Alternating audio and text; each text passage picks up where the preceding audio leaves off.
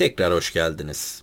16 Ocak 1984 gecesi 9 yaşındaki Annie aniden kapısının dışından gelen seslere uyandı. Yatağından çıkıp koridora doğru yürüdüğünde seslerin alt kattan geldiğini ve duyduğu seslerin insanların konuştuğu sesler olmadığını, birbirlerine bağırdığı sesler olduğunu fark etti. Ancak bağırmalar başladığı kadar hızlı bir şekilde durdu ve ev sessizleşti. Annie hala ne olduğunu merak ediyordu. Bu yüzden sessizce merdivenlerden aşağı yürüdü. Ancak aşağı indiğinde kimseyi göremedi ve ev hala sessizdi. Daha sonra evin dışından bir yerlerden gelen bir ses duydu. Ne olduğunu görmek için kafasını çevirdiğinde gördüklerinin bir rüya olmasını umut ederek yatağına girdi ve uykuya daldı. Bu Annie'nin bahçede gördüklerinin ve sonrasında yaşananların hikayesi. Hazırsak hikayemize başlayalım.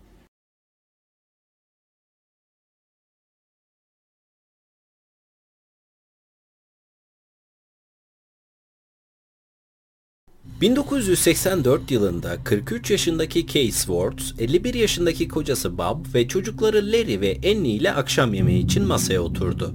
Evlerinin mutfak bölümünde arka bahçeye bakan bir pencere vardı ve hepsi dışarıda kar yağışını görebiliyordu. Swartz'ların yaşadığı mahalle sessiz ve tenhaydı. Ancak kar orayı daha sessiz ve dünyadan uzak hissettiriyordu. Bob hava daha da kötüleşirse ertesi gün işe gitmekte zorluk çekebileceği için endişe etti. Ancak sonra Kay'in dua etmeye başladığını duydu. O yüzden dışarıdaki kar yağışına bakmaktan vazgeçti ve başını eğdi. Kay dua etmeyi bitirdi ve aile üyeleri amen dedikten sonra hepsi yemeye başladı. Ailecek akşamları yemek yedikleri zaman anne Kay'in günün en sevdiği zamanıydı. Küçükken bile her zaman bir arada yemek yiyen, günlerini nasıl geçirdiklerini konuşan, birbirine bağlı bir ailesi olmasını hayal ederdi. Şimdi ise Kay'in hayali gerçekleşmişti. 17 yaşındaki oğlu Larry ve 9 yaşındaki kızı Annie yemeğe dalmışlardı. Ve Kay kocası Bob'a bakıp gülümsedi. Bob içeceğinden bir yudum aldı ve o da gülümsedi. Aileyle geçirilen zaman Bob'ın da en sevdiği zamandı. Çünkü o da Kay gibi evini çocuklarla dolu bir ev olarak hayal ediyordu. Aslında Kay ve Bob'ın aile sevgisi paylaşımı 16 yıl önce Maryland Üniversitesi'nde lisans eğitimi alırken tanıştıklarında onları birbirine çeken şey olmuştu. En azından tüm arkadaşlarına böyle söylüyorlardı. Gerçek olan şu ki Bob'ın Kay'e ilgi duymasının ana sebebi dış görünüşüydü. Yani organ mafyası değilse dış olacak tabi. Kay'i ilk kez kampüsün otoparklarından birinde gördüğünde ona bakmaktan kendini alamamıştı. Kay 1.77 boyunda, uzun bacakları ve uzun boynu olan bir kadındı. Kahverengi saçları kısa kesimdi ve kusursuz bir gülümsemesi vardı. Bob onun bir model gibi göründüğünü düşünüyordu. Bob genel olarak model gibi kadınlarla konuşmak için özgüven sahibi değildi. Kısa boylu ve yapılıydı. Saçlarının çoğunu erken yaşta kaybetmişti. Bu da onda biraz özgüven eksikliği yaratıyordu. Ancak Kay'i ilk defa gördükten sonra Kay hakkında düşünmeyi bırakamadı. Bu yüzden Maryland Üniversitesi kafeteryasında öğle yemeği yediği bir gün derin bir nefes aldı, doğruca yanına yürüdü ve konuşmaya başladı. Bob her zaman o riski aldığı için mutlu olacaktı. Çünkü Kay ile hemen kaynaştılar ve birçok ortak noktaları olduğunu keşfettiler. İkisi de dindardı.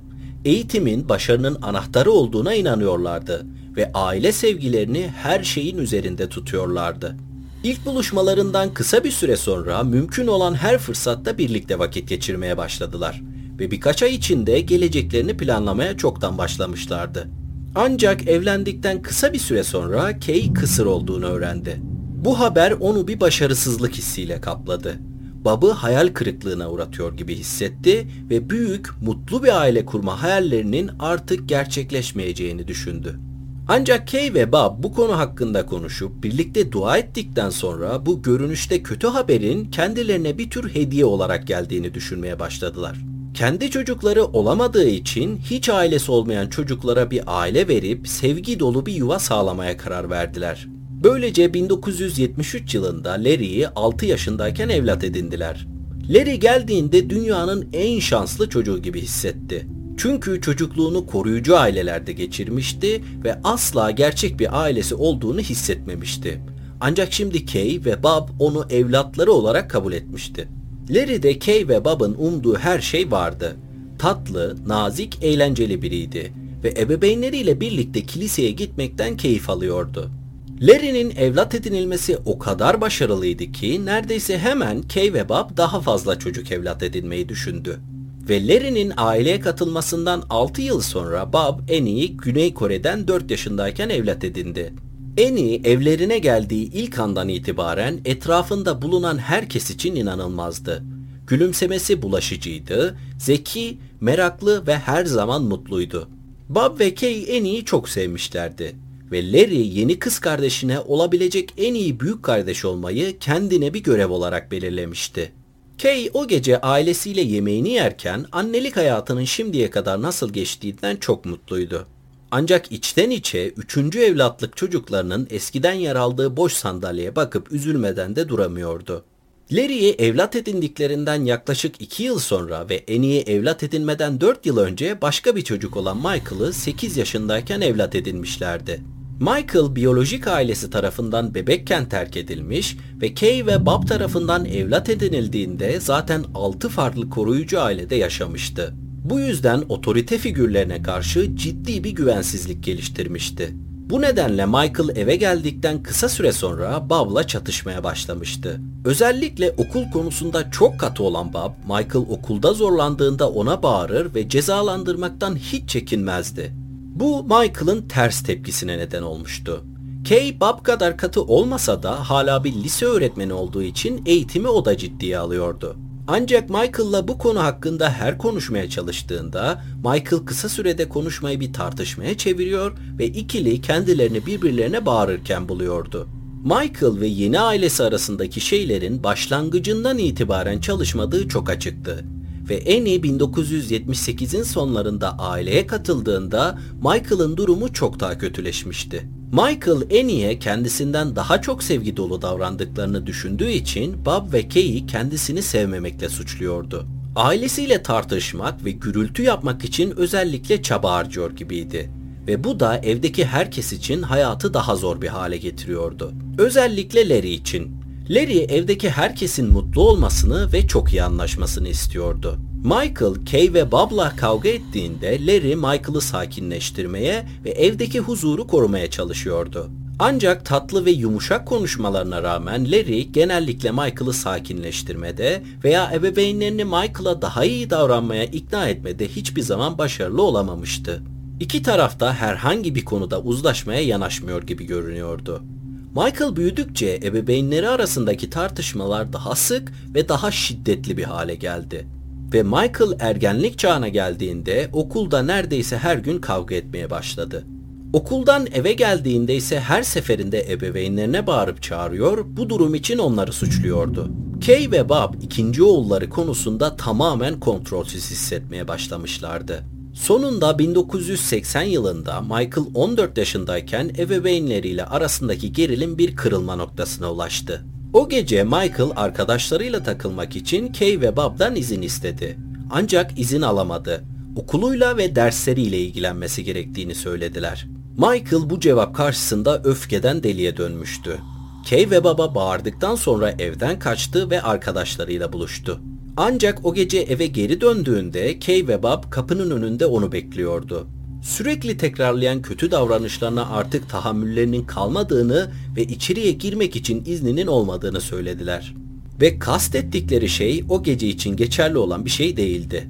Ertesi gün Kay ve Bob sosyal hizmetlerle iletişime geçti ve Michael'ı bir cezaevi yerine geçen bir reform okuluna gönderdi. Kay ve Bob bu karardan dolayı çok kötü hissetti. Ancak Michael artık evde olmadığı için en azından Larry ve Annie daha mutlu, daha sağlıklı ve daha az sorunlu bir evde yaşayacaktı. Yemek masasında Michael'ın boş sandalyesine bakan Kay birkaç yıl önce verdikleri kararın mantıklı bir karar olduğunu kendisine hatırlatmaya çalışıp kendini biraz olsun iyi hissetmeye çalıştı. Akşam yemeğinden sonra Bob evde yaptığı işler için kurduğu küçük bir odada bulunan ev ofisine doğru yürüdü. Bob yeni büyüyen bilgisayar endüstrisine erkenden girmişti ve bu işten kazandığı paralardan çok mutluydu. Ancak bu iş bazen geceleri evden çalışmayı da gerektiriyordu.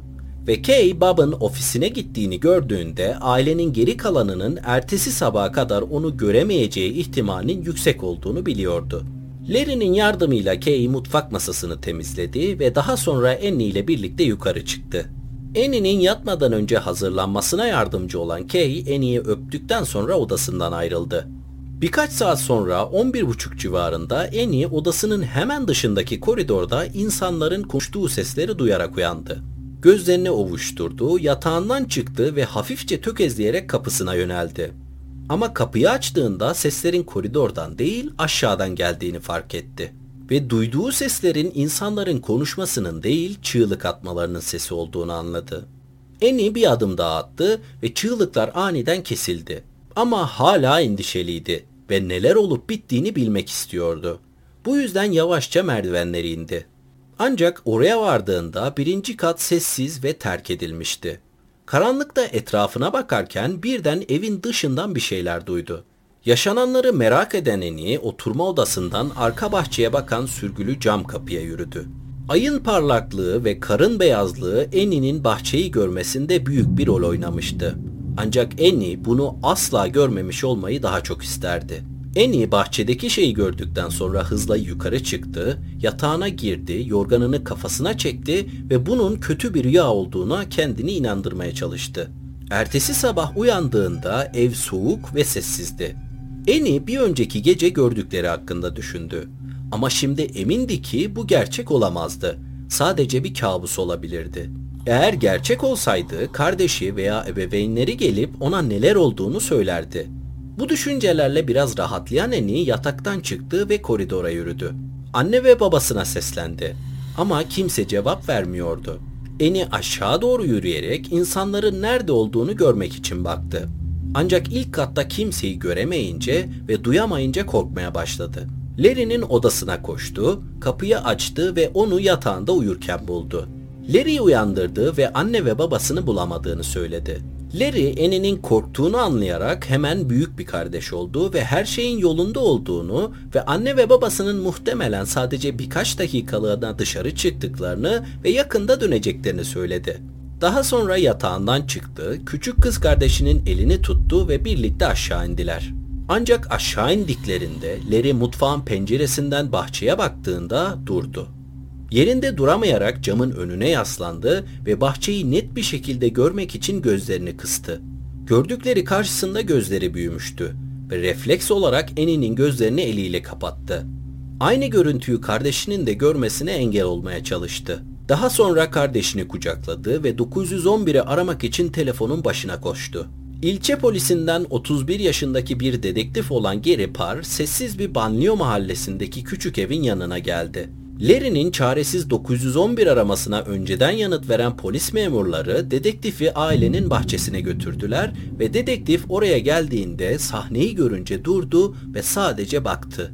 Larry gibi dedektif de önünde olanları işlemekte zorluk çekti. Dedektif Barr eski bir özel kuvvetler askeriydi ve askerde yeterince acımasız şeyler görmüştü. Ancak bunun gibi hiçbir şey görmemişti. Evlerinin arka kapısındaki kaydırak cam, kapının önünü kaplayan yaklaşık 3 metrelik zemin, geçen gece yağan ve büyük miktarda kanla karışan karla kaplı, karanlık, kırmızı bir çamurla doluydu. Ve ondan birkaç adım ötede taze karla kısmen kaplanmış bir ceset vardı. Dedektif soğuk havayı derin bir nefesle içine çekti. Sonra yavaşça kanla kaplı bahçenin etrafından dolaşarak cesete yaklaştı. Ceset Kay Swartz'a aitti. Yüzüstü karın üzerinde yatıyordu. Boynu kanla kaplıydı ve biri çorabı dışında tamamen çıplaktı. Ardından dedektif bahçeden eve açılan kaydırak cam kapıdan içeri girdi ve ilk olarak olay yerine gelen memurların da keşfettiği kanlı avuç izini gördü. Dedektif örneklerin hızlı bir şekilde FBI'ye gönderileceğini doğrulamak için yakınındaki diğer memurlarla konuştu. Ancak tüm soruşturmanın umutlarını bu parmak izine bağlamaya niyetli değildi. Çünkü hem sonuçların gelmesi haftalar sürebilirdi hem de bu iz katilin yerine kurbanlardan birinin çıkabilirdi. Bu yüzden dedektif daha fazla ipucu aramak için eve adım attı. İçeri girdiği anda durup karşısındaki şeye bakmak zorunda kaldı. Arka kapıdan başlayarak kan havuzları ve kurumuş kan çizgileri vardı. Oturma odasına kadar gidiyordu. Dedektif henüz ne olduğunu bilmiyordu ama bu olayı gerçekleştiren kişinin saldırı sırasında öfkeyle dolu olduğunu olay yerinden anlamıştı. Kan oturma odasında durmuyordu. Kan izlerini takip ederek Bodrum'a giden merdivenlerde daha fazla kan izine rastladı ve sonunda Bob'ın ofisine ulaştı. Ellerinde, göğsünde ve boynunda çok sayıda açık kesikler vardı. Olay yeri inceleme ekibi üyeleri Bob'ın ofisinde fotoğraf çekip arama yaparken dedektif evin içinden dolaşıp ön kapıdan çıktı. Soğuk havanın kafasını toplamasını umut ediyordu. Böylesine güvenli ve sessiz mahallelerde böyle şeyler olmamalıydı. Ama asıl öyle mahallelerde oluyor sayın dedektif. Azıcık YouTube'da gezin. Dedektif sadece bir dakika boyunca soğuk havayı içine çekti ve sonra karşıdaki evlerden birine doğru yürüdü. Olay yerine geldiğinde polislerden birine Larry ve Annie'yi bu komşunun evine götürmesini ve orada kendisini beklemesini söylemişti. Bu yüzden dedektif bu komşunun evine girdiğinde polis memuru çocuklarla birlikte oradaydı. Larry Annie'nin elini tutarak nazikçe onu teselli ediyordu. Larry oldukça zayıf bir çocuktu. Ama dedektife göre Larry kız kardeşi için daha büyük ve daha güçlü görünmeye çalışıyordu. Dedektif çocuklara yaklaştı ve sakin bir ses tonuyla Larry'e dün gece boyunca olağan dışı bir şey fark edip etmediğini sordu. Larry özür diledi ve yardımcı olamayacağını söyledi. Akşam yemeğinden kısa süre sonra odasına gittiğini, İspanyolca dersinden bazı notlara baktığını ve sonra uyuduğunu söyledi. Sabah anne ve babasını aramaya indikleri zamana kadar bir şey duymadığını veya görmediğini söyledi. Ardından dedektif Annie'nin başını aniden kaldırdığını ve bir şey gördüğünü söylediğini fark etti. Dedektif hemen diz çöktü ve Annie'nin göz hizasına geldi ve ne gördüğünü sordu. Annie odasının dışında insanların konuştuğunu düşündüğü için uykusundan uyanmış olduğunu ancak daha sonra alt kattan çığlık sesleri duyduğunu söyledi. Birden çığlık sesleri durduğunda aşağı katta ne olduğuna bakmak için aşağı inmişti. Ama oraya vardığında her şey çok sessizdi. Daha sonra dışarıda bir şeyler duyduğunu ve oraya dönüp baktığındaysa siyah kıvırcık saçlı çok uzun bir adamı evlerinden uzaklaşırken gördüğünü söyledi. Bu söylenirken dedektiflerinin gözlerinin büyüdüğünü fark etti. Aynı zamanda başını sallamaya başlamıştı. Dedektif ne olduğunu sorduğunda Eni'nin dışarıda gördüğünü söylediği adamın 1.95 boyunda olan ve kıvırcık siyah saçları olan Michael'ın tanımına uyduğunu söyledi. Dedektif Eni ve Larry'e teşekkür etti. Daha sonra onları komşular ve oraya getiren diğer memurla bırakarak dışarı çıkıp karşıdaki cinayetin işlendiği eve doğru yürüdü. Yürürken bir sonraki hamlelerinden birinin yeni ana şüpheli olan Michael'ı araştırmak olacağını biliyordu. Polisler olay yerinden kanlı bir avuç izi dışında çok az fiziksel kanıt bulmuştu. Bu nedenle dedektif ve diğer araştırmacılar aile ve arkadaşları ve diğer ilişkili kişilerle konuşarak aile hakkında öğrenebildikleri her şeyi öğrenmeye çalıştılar. Bu konuşmalar aracılığıyla Michael'ın evi terk etmeden önce Bob'la olan kavgalarının sadece bağırma kavgalarından fiziksel kavgalara kadar gitmeye başladığını ve hatta bazı komşuların Bob'ın Michael'ı birkaç kez dövdüğünü düşündüklerini öğrendi. Aynı zamanda aile dostlarından birinden Michael'ın Kay ve Bob'ı öldürmekle tehdit ettiğini de öğrenmişlerdi. Ama dedektif birinci şüpheli olan Michael'ın cinayetleri işleyen kişi olma teorisinde büyük bir sorun keşfetti. Bir hastanede yatan Michael'ın cinayetlerin işlendiği gecede hastanede olduğu ortaya çıkmıştı. Yani en azından resmi kayıtlara göre. Ancak dedektif bu kayıtlara %100 güvenmek istemiyordu. Michael'la bizzat tanışmak istiyordu. Çünkü Michael'ın adını çok fazla duyuyordu. Bu nedenle cinayetten günler sonra dedektif Michael'ı ziyaret etmek için kaldığı hastaneye doğru yola çıktı. Dedektif hastane çalışanları tarafından binanın içinden geçirildi ve gördüğü koşullar karşısında dehşete düştü. Hastaların çığlıkları yataklarla dolu geniş bir açık odadan yankılanıyordu. Zemin ve duvar aylarca temizlenmemiş gibi görünüyordu. Hastanede ne kadar az güvenlik olduğuna da oldukça şaşırmıştı. Michael'la buluşacağı odaya adım attığında Michael'ın kolayca hastaneden çıkıp ailesinin evine bir yolculuk yapabileceğini, cinayetleri işleyip hastaneye geri dönebileceğine çoktan ikna olmuştu. Dedektif Michael'ın karşısında bir metal sandalyeye oturdu ve odayı kaplayan kirli beyaz duvarlara hafif bir ışık saçan floresan ışığının altında Michael'a baktı. Michael'ın karşısına oturduğu andan itibaren Michael'ın boynuna gözleri takılmıştı.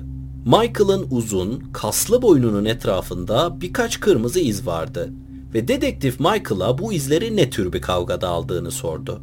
Ancak Michael sadece gülümsedi ve dedektife bu izlerin aslında bir kızla öpüşürken bıraktığı izler olduğunu söyledi. Dedektif de gülümsedi ve daha sonra eski anne ve babasına ne olduğunu anlattı. Ancak Michael bundan hiç etkilenmiş gibi görünmüyordu. Michael sadece oturdu ve sessizce dedektifi dinledi. Ama dedektif Michael'ın bu haber karşısındaki tepkisinin suçluluğunun veya suçsuzluğunun bir kanıtı olmadığını tecrübelerinden biliyordu. Bu nedenle basit sorular sormaya başladı. Bob ve Kane öldürüldüğü 16 Ocak gecesi nerede olduğu gibi. Michael'ın bu soruya cevabı eski anne ve babasının hakkında verdiği tepki kadar sakin bir şekildeydi. Maryland eyaletinin onu koyduğu bu hastanede olduğunu söylemişti. Ama dedektif Michael'ın doğruyu söylediğine inanmıyordu. Bu nedenle masanın üzerine doğru eğildi, Michael'ın gözlerinin içine baktı ve evlat edinildiği ebeveynleriyle olan sorunlu ilişkisini ve geçmişte yaşanan onlara yönelik şiddet tehditlerini anlatmaya zorladı. Dedektif bu yaklaşımının Michael'ı sarsıp belki de bir şeyler açıklamasını sağlayacağını umuyordu.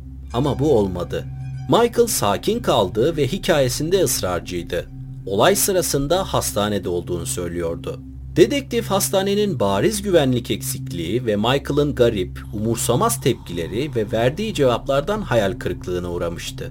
Sanki Michael yalan söylüyordu. Gerçekten de katil olmalıydı. Ama olay yeri delilleri veya Michael'dan herhangi bir itiraf olmadan dedektifin bu teorisini kanıtlamak için çok çalışması lazımdı. Ve bu ilk buluşmadan sonra dedektif hastaneden ayrıldıktan hemen sonra dedektifin daha da çok çalışması gerektiğini anlaması uzun sürmedi. Çünkü bir avukatla iletişime geçen Michael avukatından aldığı tavsiyeler üzerine hakkında fiziksel bir kanıt olmadığı sürece kimseyle konuşmayacağını söylüyordu. Şimdi dedektif ana şüpheliyle konuşamadığı gibi FBI'dan kanlı avuç izinin test sonuçlarını bekliyordu. Cinayet dosyasını çözmeye yardımcı olabilecek herhangi bir diğer ipucunu bulmaya çalışarak başlangıç noktasına geri döndü. Soruşturmacılar Kay ve baba yakın olan insanlarla konuşurken çoğunun dedektif gibi Michael'ın muhtemelen katil olduğunu düşündüğünü öğrendiler. Ancak dedektifin soruşturmasını tamamen yeni bir yöne götüren bir ipucu veren bir aile arkadaşı vardı. Bu aile arkadaşı soruşturmacılara Bab'ın sert bir kürtaj karşıtı aktivisti olduğunu ve bölgedeki bir kürtaj kliniğinde açıkça protestolar yaptığını söyledi. Bu protestoların sıklıkla şiddetli olduğu ve bu süreçte bazı düşmanlar edindiği ortaya çıktı. Dedektif bu kliniğin çalışanlarını ve Bab'ın diğer protestocu arkadaşlarını buldu. Ancak yeni aldığı ipuçlarıyla ilerlemesinde günler geçtikçe bu sorgulama zincirlerinin onu herhangi bir çözüme yaklaştırmadığını düşünmeye başlamıştı. Çünkü dedektif Michael'ın en azından cinayetlere karışmış olması gerektiğinden emindi. Bu nedenle dedektif kürtaj kliniği teorisinden vazgeçti ve FBI'dan kanıt olarak bulunan kanlı el izinin test sonuçlarını beklemeye karar verdi. Ve nihayet 1984 Mart'ında Bob ve Kay öldürüldükten neredeyse 2 ay sonra sonuçlar geldi. Ve dedektifin beklediği gibi bu test sonuçları davayı büyük ölçüde açığa çıkarmıştı. Ancak bu sonuçlar aynı zamanda dedektifi başlangıçta göz önünde dahi bulundurmadığı bir yola yönlendirmişti. FBI laboratuvarından gelen test sonuçlarına, soruşturma boyunca yapılan görüşmelere ve katilin ifadesine göre 16 Ocak 1984'te Kay ve Bob'ın başına gelenler şu şekilde. 16 Ocak 1984'te saat 11.30 civarında Swartz evinin dışında kar vardı ve sıcaklık oldukça düşük derecedeydi. Ancak ter damlaları katilin alnından süzülüyordu. Sadece birkaç dakika önce içtiği içki hala içini yakıp onu sıcak tutuyordu. Köşeden başını çıkaran katil televizyon ışığı altında siyah sandalyede oturan mavi pijama giyen Kay'i gördü. Önünde küçük bir masa vardı ve masanın üzerinde yatmadan önce yaptığı atıştırmasının kalıntıları olan boş bir tabak, bir çatal ve keskin bir biftek bıçağı vardı. Katil herhangi bir cinayet silahı taşımıyordu. Bu saldırının nasıl gerçekleşeceğini de tam olarak planlamamıştı. Ancak Kane masasındaki biftek bıçağı tüm bu sorunlara mükemmel bir çözüm gibi görünüyordu. Katil oturma odasına doğru yürürken birkaç adım attı ancak aniden durdu. Korkunç bir yüz ifadesiyle Kay'i orada huzurlu bir şekilde televizyon izlerken izledi. Kay'i öldürme konusunda ikinci düşünceleri başladı. Ancak derin bir nefes aldı ve kendisine bunun doğru bir hamle olduğunu söyledi. İlerlemeye devam etti ve K'ye doğru hareket ederken ahşap zemindeki gıcırtı sesleriyle K'yi hareketinden haberdar etti. Kay kayıtsız bir şekilde televizyonun ışığında oturuyordu. Katili gördüğünde çok şaşırmıştı. Kay'in yanına yaklaştı ve masasındaki bıçağı alarak saldırmaya başladı. Kay yaralı bir şekilde koşmaya çalıştı. Ancak katil Kay'in peşinden koşarak boynunu altı kez daha kesti. Kay kan kaybından zayıfladı ve sonunda yere düştü. Katil son bir darbe için bıçağı tekrar yükseltti ancak birdenbire bodrum katına giden merdivenlerden gelen bir ses duydu. Merdivenlerin üzerinde durdu ve sesin geldiği yere aşağıya baktı. Gördüğü şey Bab'dı. Bab'ın gördüğü şey ise bodrum ofisine inen merdivenlerin tepesinde duran ve elinde bıçak olan bir katildi. Katil merdivenlerden aşağı inerek Bab'ın yanına gitti ve yüzüne doğru bıçağı sallamaya başladı. Kendisini korumak için ellerini yüzüne kalkan yapan Bab'ın elleri kesilmişti. Ancak Bob geri çekilmeye çalışırken ellerini kaldırarak kendini korumayı başarmıştı. Bıçak sadece ellerini ve kollarını kesmişti. Ofisin içine doğru sürünmeye çalıştı ancak katil de hemen arkasındaydı. Bob yere düştüğünde katil birkaç kez daha göğsüne elindeki bıçağı sapladı ve sonunda durup ayağa kalktı. Bob toplam 17 kez bıçaklanmıştı. Katil yaklaşık bir dakika boyunca kendinden geçmiş bir şekilde Bob'ın artık ölü olan bedenine bakarak nefesini normale döndürmeye çalıştı. Ve üst katta bıraktığı Kay'in hala yaşıyor olabileceğini hatırladı. Bob'ın ofisinden tekrar üst kata çıkarak oturma odasında Kay'in artık yerinde olmadığını gördü. Arka bahçeye açılan cam kapıya doğru baktığında yerdeki kan izini gördü. Kan izini takip eden katil evin arkasına koştu. Burada elini cam kapıya çarptı ve kendisini yakalatan kanıt olan kanlı el izini bıraktı. Ay ışığında Kane yavaşça bahçeden hareket ettiğini görmüştü. Acılar içinde kaçmaya çalışıyordu. Boynundan akan kan arkasında karanlık, kırmızı kan havuzları bırakıyordu. Kay yardım için bağırmaya çalışmıştı. Ancak katilin bıçağından kaynaklanan yaralar boynuna ve boğazına zarar verdiği için yeterince ses çıkaramıyordu. Katil Kay'in bahçede hareket ettiğini izlerken ona mümkün olduğunca acı çektirme isteği birdenbire kendisine hakim olmuştu. Bahçeyi gözleriyle taradıktan sonra gözüne bir odun yarma baltası çarptı. Odun yarma baltası keskin bir balta başı olan ama bir çekiç gibi bir aparat. Yani kafanıza gelmesini istemeyeceğiniz türde bir aparat. Ki eliyle baltayı aldı ve sonra K'ye doğru koştu. Katil K'ye ulaştığında güçlükle ayakta durabiliyordu. Baltayı kaldırdı ve var olan tüm gücüyle Kay'in kafasına sertçe vurdu. Kafası çatlayan Kay artık hareket etmiyordu. Ölmüş olmasına rağmen katilin onunla işi hala bitmemişti. Onu küçük düşürmek istiyordu. Bu nedenle bir çorap hariç çıplak kalacağı bir şekilde onu soydu. Artık işinin bittiğini ve cinayet silahlarını ortadan kaldırması gerektiğini biliyordu. Evin uzaklarına doğru bahçeden yürüdü ve bıçakla baltanın saplarını temiz bir parça gömlekle silip ardından ailenin bahçesini çevreleyen ormanlık alana attı. Sonra katil Kane cesedinin yanından bahçeden geri yürüyerek eve girdi. İçerideki katil kıyafetlerini çıkardı ve çamaşır makinesine atıp başlat düğmesine bastı. Bu noktada katilin başı, kolları ve sırtı ağrıyor ve çok yorgun hissediyordu. Bu yüzden yukarı çıktı. Annie'nin odasının önünden geçti ve Michael'ın eski odasına açılan kapıya baktı. Orayı da geçip kendi odasına açılan kapıdan geçti ve kendi yatağına çıkıp uyudu. Herkesin sessiz, tatlı ve mükemmel bir oğul olarak düşündüğü Larry Swartz aslında bir katildi.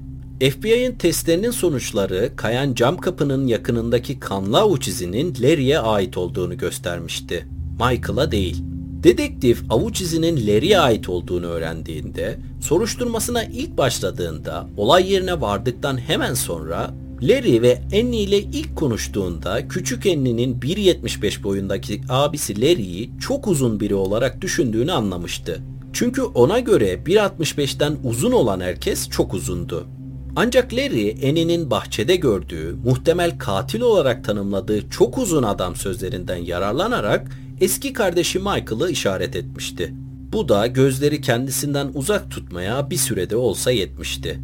Tutuklanan Larry gözaltındayken ebeveynlerini öldürdüğünü itiraf etti. Larry, Michael'ın evden atılmasından sonra kendisinin Kay ve Bob'ın çok sert disiplin taktiklerinin hedefi haline geldiğini ve sürekli olarak kötü notları için ona bağırdıklarını, haftalarca ceza verdiklerini ve sevdiği kızla dışarı çıkmasını engelleyerek onu küçük düşürdüklerini söyledi. 1984 yılı 16 Ocak'ta Eni yattıktan sonra Larry ve Kay arasında bir tartışma çıktı. Larry Kay'e İspanyolca sınavından kaldığını söylediğinde Kay Larry'i tanıdığı için diğer sınavlardan da kalacağını söylemişti. Bunun üzerine Larry öfkelenip odasına çıktı. Kapısını çarptı, yatağının altına uzanıp önceden romla doldurduğu soda şişesini aldı. Alkolün etkisiyle ebeveynlerine daha da öfkelenen Larry, kendisini de Michael gibi evden atacaklarını ve küçük kız kardeşi en iyi bir daha göremeyeceğini kendini inandırmıştı. Bu yüzden anne ve babasını öldürmenin tek çözüm olduğuna karar verip aşağı inerek tam da bunu yaptı. Larry ikinci derece cinayet suçundan suçlu bulundu ve 20 yıl hapis cezasına çarptırıldı. Ancak 9 yıl yattıktan sonra şartlı tahliye edildi. Larry Florida'ya taşındı ve 2004'te 38 yaşındayken kalp krizinden dolayı hayatını kaybetti. Vakit ayırıp dinlediğiniz için teşekkür ederim. Aşağıya bırakacağım sosyal medya hesabımdan bana ulaşabilir, hikaye önerebilirsiniz. Kendinize iyi bakmayı ihmal etmeyin. Hoşçakalın.